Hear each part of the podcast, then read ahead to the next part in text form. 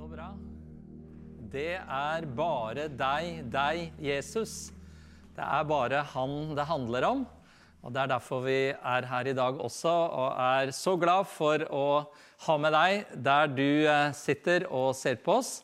Eh, At vi kan løfte opp navnet Jesus, at vi kan prise han sammen i dag.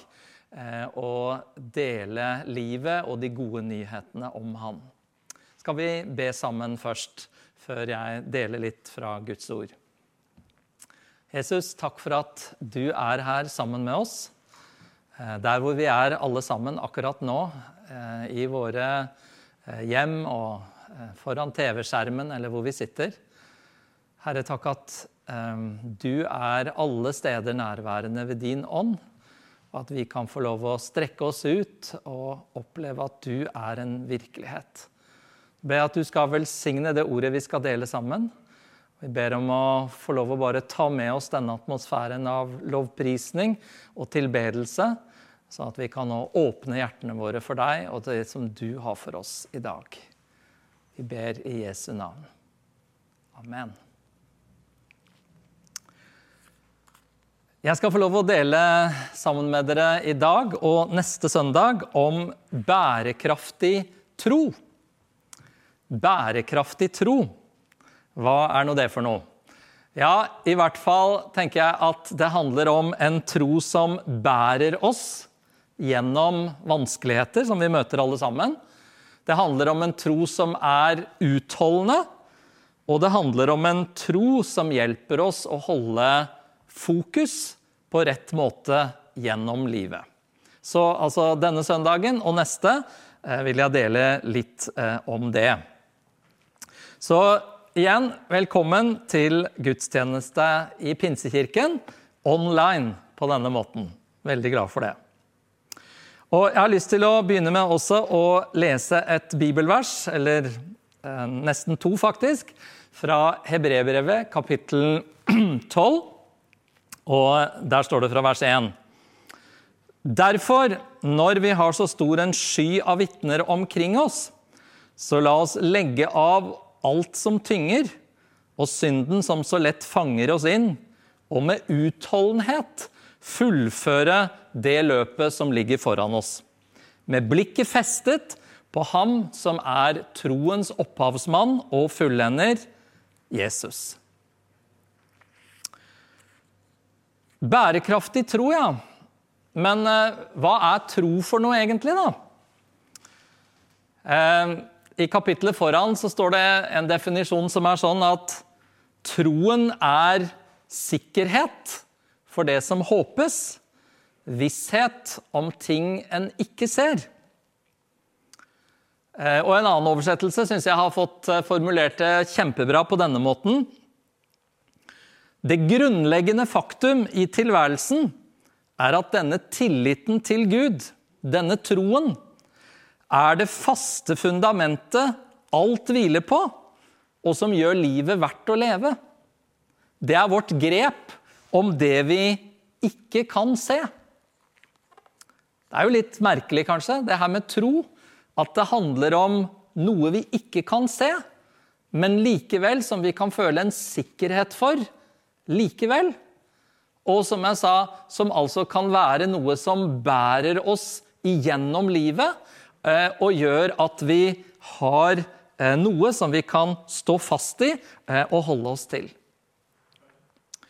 Bibelen forteller oss også at tro er en gave fra Gud. Er ikke det bra? Tro er ikke noe vi behøver å prestere eller noe vi skal få til, men det er faktisk en gave fra Gud. Og det henger tett sammen med det som Bibelen kaller for nåde. Visste du at nåde det betyr gratis, egentlig? Så både tro og nåde er noe som vi får fra Gud. Og Efeserbrevet 2,8 sier at av nåde er dere frelst, ved tro. Det er ikke deres eget verk, men Guds gave.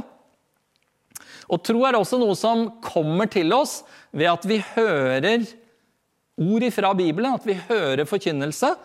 Så Derfor så håper jeg at du denne søndagen vil åpne hjertet ditt og være åpen for at Gud vil komme og plante tro eh, også i hjertet ditt mens jeg taler.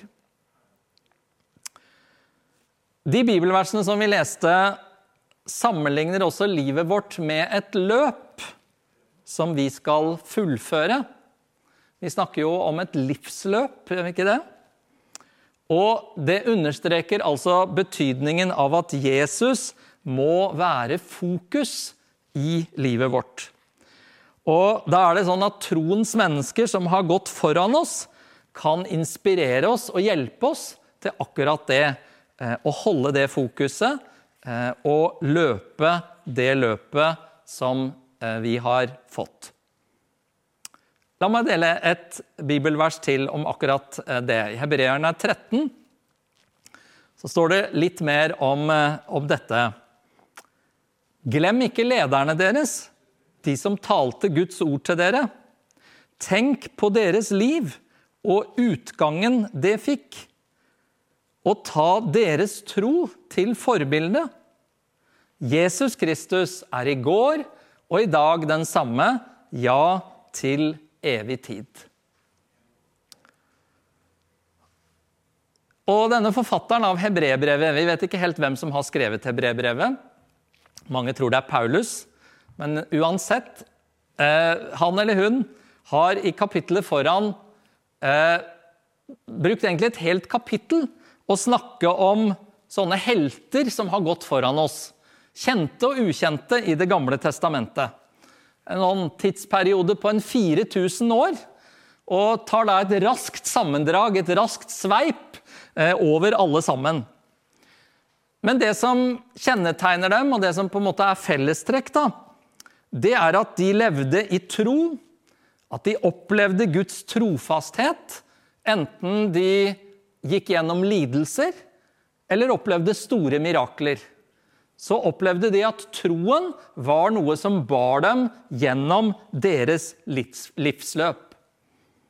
Og denne skyen av vitner som vi snakket om, de har avsluttet sin etappe i livsløpet.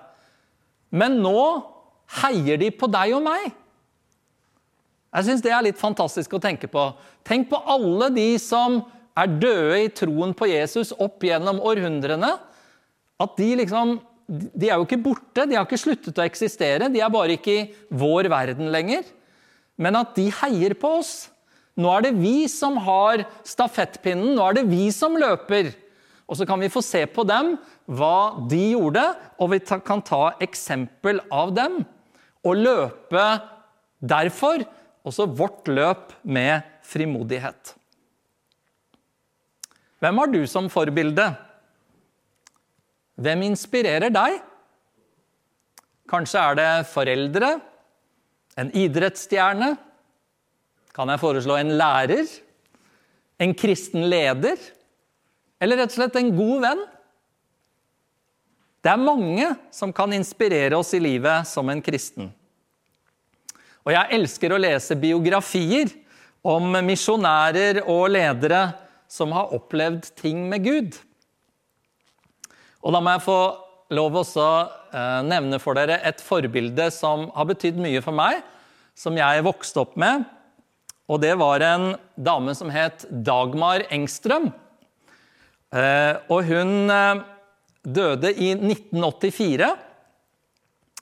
Eh, men var med på pinsebevegelsens begynnelse i Norge i 1906 og 1907.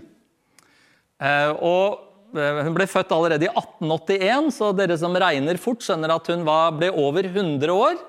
Og jeg trøster meg da litt med det, fordi det er da altså ikke at jeg er så gammel som gjorde at jeg liksom fikk med meg hennes historier, men det var det at hun levde så lenge eh, at jeg akkurat rakk å liksom få med meg den biten, da. Men hun forteller, eh, og fortalte mye, eh, om det som skjedde i 1906-07 i Norge, da, som hun skriver i boka si, man for første gang i moderne tid opplevde et menneske som kunne vitne om dette med Den hellige ånd og opplevelser med Gud på samme måte som vi leser om i Bibelen. Tenk, det var ukjent helt opp til da. Og mange tenkte at nei, det kan ikke skje liksom på nytt igjen. Men så gjorde det det. Her i Norge også. Og mange mennesker ble sterkt berørt av det som skjedde, bl.a. denne damen. Faktisk så ble hun så sterkt berørt eh, at hun også fikk et misjonskall til å reise til India.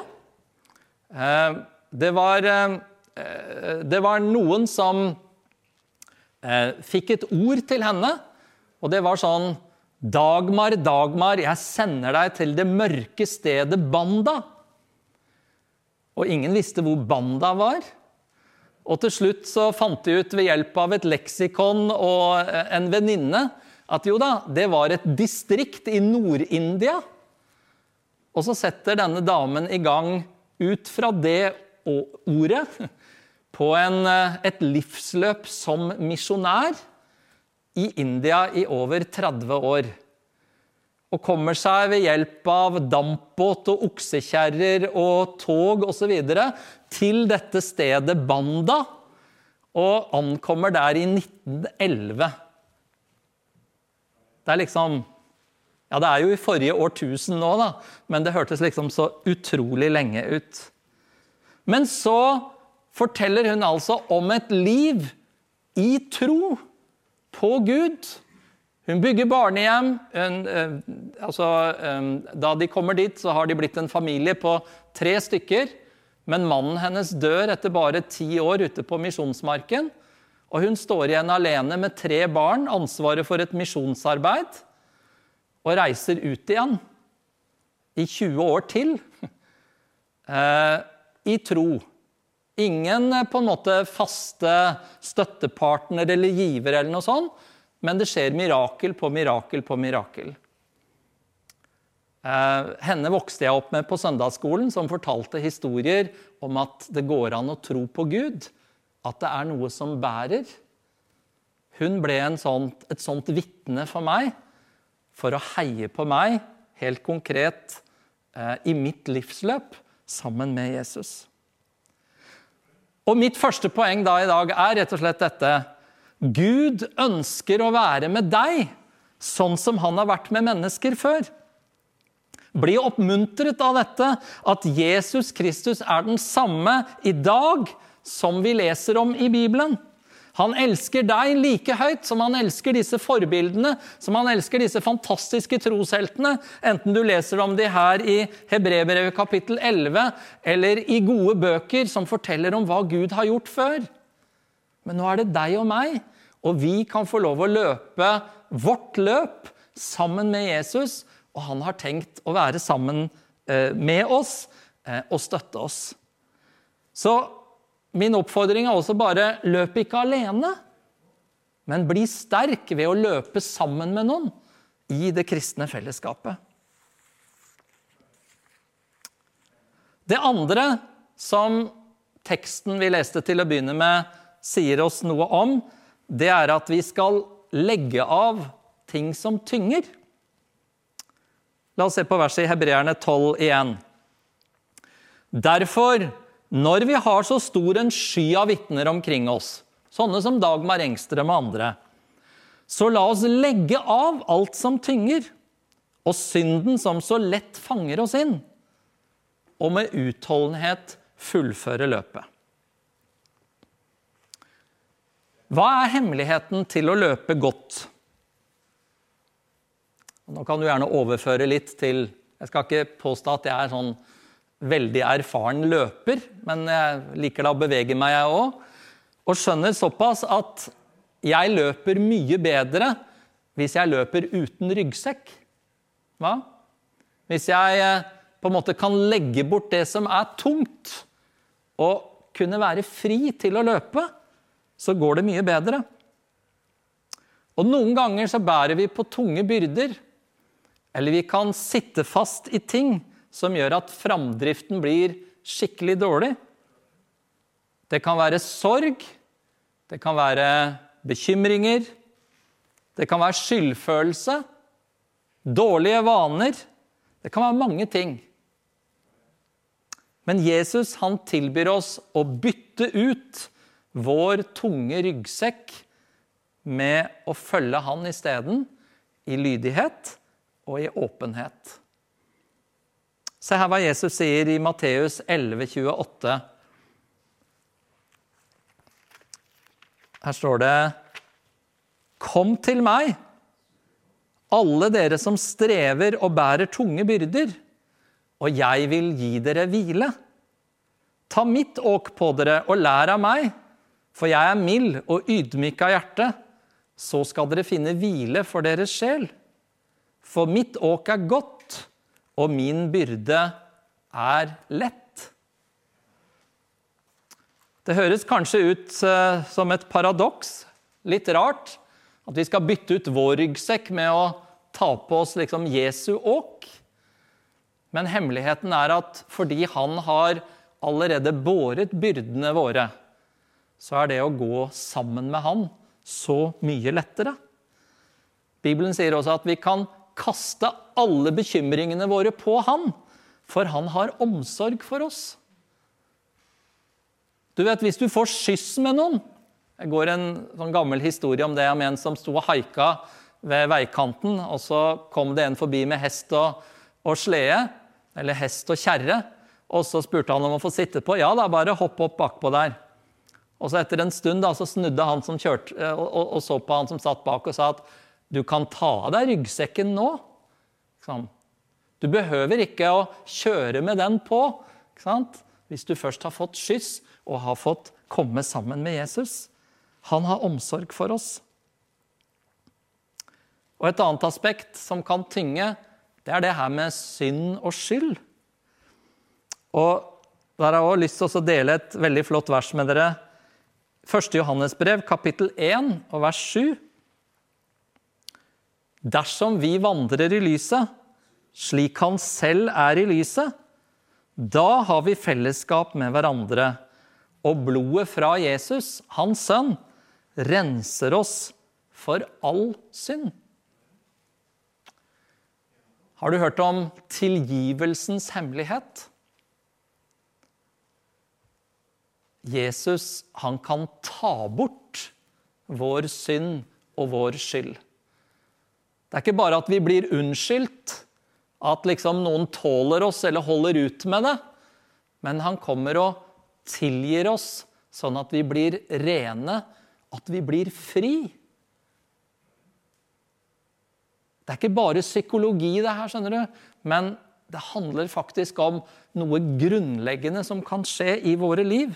Og det er bare Gud som kan tilgi. Det er bare Gud som kan ta bort det som har gått galt, og rette opp igjen. David han sier i en av sine salmer, salme 32, at salig er den som har fått sine overtredelser tilgitt og sine synder skjult. Lykkelig, velsigna, salig er vi når vi kan få oppleve det å bli helt tilgitt, helt fri, helt rene. Legge av det som tynger. Du kan gjøre det her i dag. Det tredje og siste poenget jeg skal stoppe ved i dag, det er at bærekraftig tro også er utholdende. Vi må ikke stoppe halvveis i løpet. Hvis det er to runder igjen, så fullfør. Gud har kalt oss til noe spennende, og du kan løpe hele løpet sammen med han. Det kan gjelde i små og store ting i hverdagen, men det kan også gjelde dette overordna livsløpet vårt. Nå har jeg nevnt et par ganger dette kapittel 11, som ramser opp en del sånne troshelter og la meg bare så fort, eh, eller bare veldig raskt, være innom noen av dem. Eh, husker du historien om Noah? Som bygde arken, bygde denne båten, sånn at folk og dyr kunne bli reddet da vannflommen kom. Han bygde kanskje i 80 år uten at det knapt regna engang. Snakk om utholdenhet. Eller hva med Abraham, da? som eh, Gud lovte at skulle få en sønn. Og da var han allerede 85. Ja, de levde lenge den gangen. Og så går det enda i hvert fall 15 år, eller det går ca. 15 år, da, før han får denne løftesønnen. Men Bibelen sier at Abraham tvilte likevel ikke på Gud. Han trodde at Gud kunne gjøre det umulige, sånn at han skulle få den sønnen. Eller tenk på Moses. Etter at han hadde flykta fra Egypt, så tråkka han rundt i 40 år i ørkenen før Gud var klar til å bruke han som leder for å befri folket sitt. Og så gikk de 40 år i ørkenen før med en ny leder de kunne komme inn i det lovede landet. Utholdenhet. Eller David, kong David, som ble salva til konge som en tenåring, men som måtte leve som flyktning i flere år før det ble tid for at han kunne innta tronen etter Saul. Så jeg spør meg selv gir vi opp litt for lett, eller holder vi fast ved det Gud har talt til oss om? Paulus snakker om at det er viktig at vi lever i tro, og ikke bare etter det vi ser, ikke bare etter omstendighetene våre. Ehm, Dagmar Engstrøm, som jeg snakket om tidligere, her er boka hennes. Den heter 'Ha tro til Gud', og 'Alt er mulig for den som tror'. Og Her er det et bilde av henne med St. Olavs medalje og i det hele tatt sånn som man pleier å gjøre når man skal ut i en biografi. Men hun fortalte husker jeg, at det bildet hun helst ville hatt på forsiden, det var et bilde hvor hun står på taket av barnehjemmet og skuer ut over Banda. Fordi Gud talte nemlig til henne da de bygde barnehjemmet, om at det skulle være flatt tak. Eller hun resonnerte seg fram at det måtte være flatt, fordi Gud sa at en dag skal du stå på taket og se utover Banda. Og det fikk hun ikke oppleve før hun måtte forlate India under andre verdenskrig i 1943. Men så, da hun var tilbake igjen og besøkte misjonsstasjonen som 91-åring, 30 år seinere, da står hun på taket og det som Gud hadde talt henne om 30 år tidligere, går bokstavelig talt i oppfyllelse. Ha tro til Gud. Da hun var 100, så talte hun i menigheten der hvor jeg vokste opp. Jeg husker Hun var litt, sånn, litt mindre, litt lavere enn meg, så det var så vidt vi bare så liksom det fjeset og den litt sånn krokete pekefingeren som stakk opp over talerstolen. Men liksom vi må ikke sitte her og bare ha det så godt. Vi må ut og fortelle de som ikke har hørt om Jesus. Og Teksten hennes den dagen var at Jesus Kristus er i går, i dag, ja, til evig tid den samme. Og så sa hun hvis jeg hadde hatt ett liv til, så ville jeg vært misjonær. Bærekraftig tro. Utholdenhet en sky av vitner omkring oss som heier på oss, at vi skal løpe livet. Hør hvordan Paulus oppsummerer sitt liv i 2. Timoteus kapittel 4, og vers 15-18 så står det Jeg har stridd den gode strid, fullført løpet og bevart troen. Nå ligger rettferdighetens seierskrans klar for meg. Den skal Herren den rettferdige dommer Gi meg på den store dagen, ja, ikke bare meg, men alle som med kjærlighet har ventet på at han skal komme. Måtte jeg òg kunne, og du, kunne si det en dag? Kan du komme og spille litt for oss mens vi bare avslutter sammen det vi har snakket om i dag? Tre sider ved bærekraftig tro. For det første, ikke løp alene.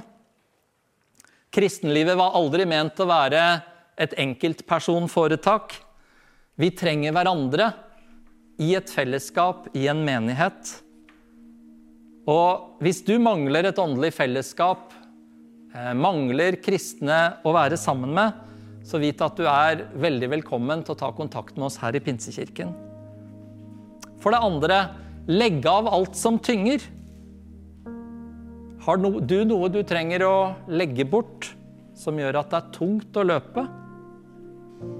Bekymringer eller synd som har hengt seg fast på deg? Jesus inviterer deg til å komme med det verste du har. Han har det aller beste for deg og for meg. Og for det tredje, vær utholdende. Trenger du nytt mot for å løpe videre i det du står i? Se på dem som har løpt tidligere etapper. Hold blikket festet på Jesus. Og tro at Jesus er den samme i dag, også for deg og for meg. Skal lovsangerne komme opp, og så ber vi sammen. Herre, jeg vil takke deg for din trofasthet. Jeg takker deg for at eh, du fyller oss med tro, som gjør at vi kan løpe livet sammen med deg. Et godt liv, et spennende liv. Så ber jeg for de som kjenner på akkurat nå at jeg bærer på noe tungt. Herre, la dem få lov å legge det av. La dem få gi det til deg. Og la dem kjenne at du gir styrke, inspirasjon og ny kraft til å løpe. I Jesu navn. Amen.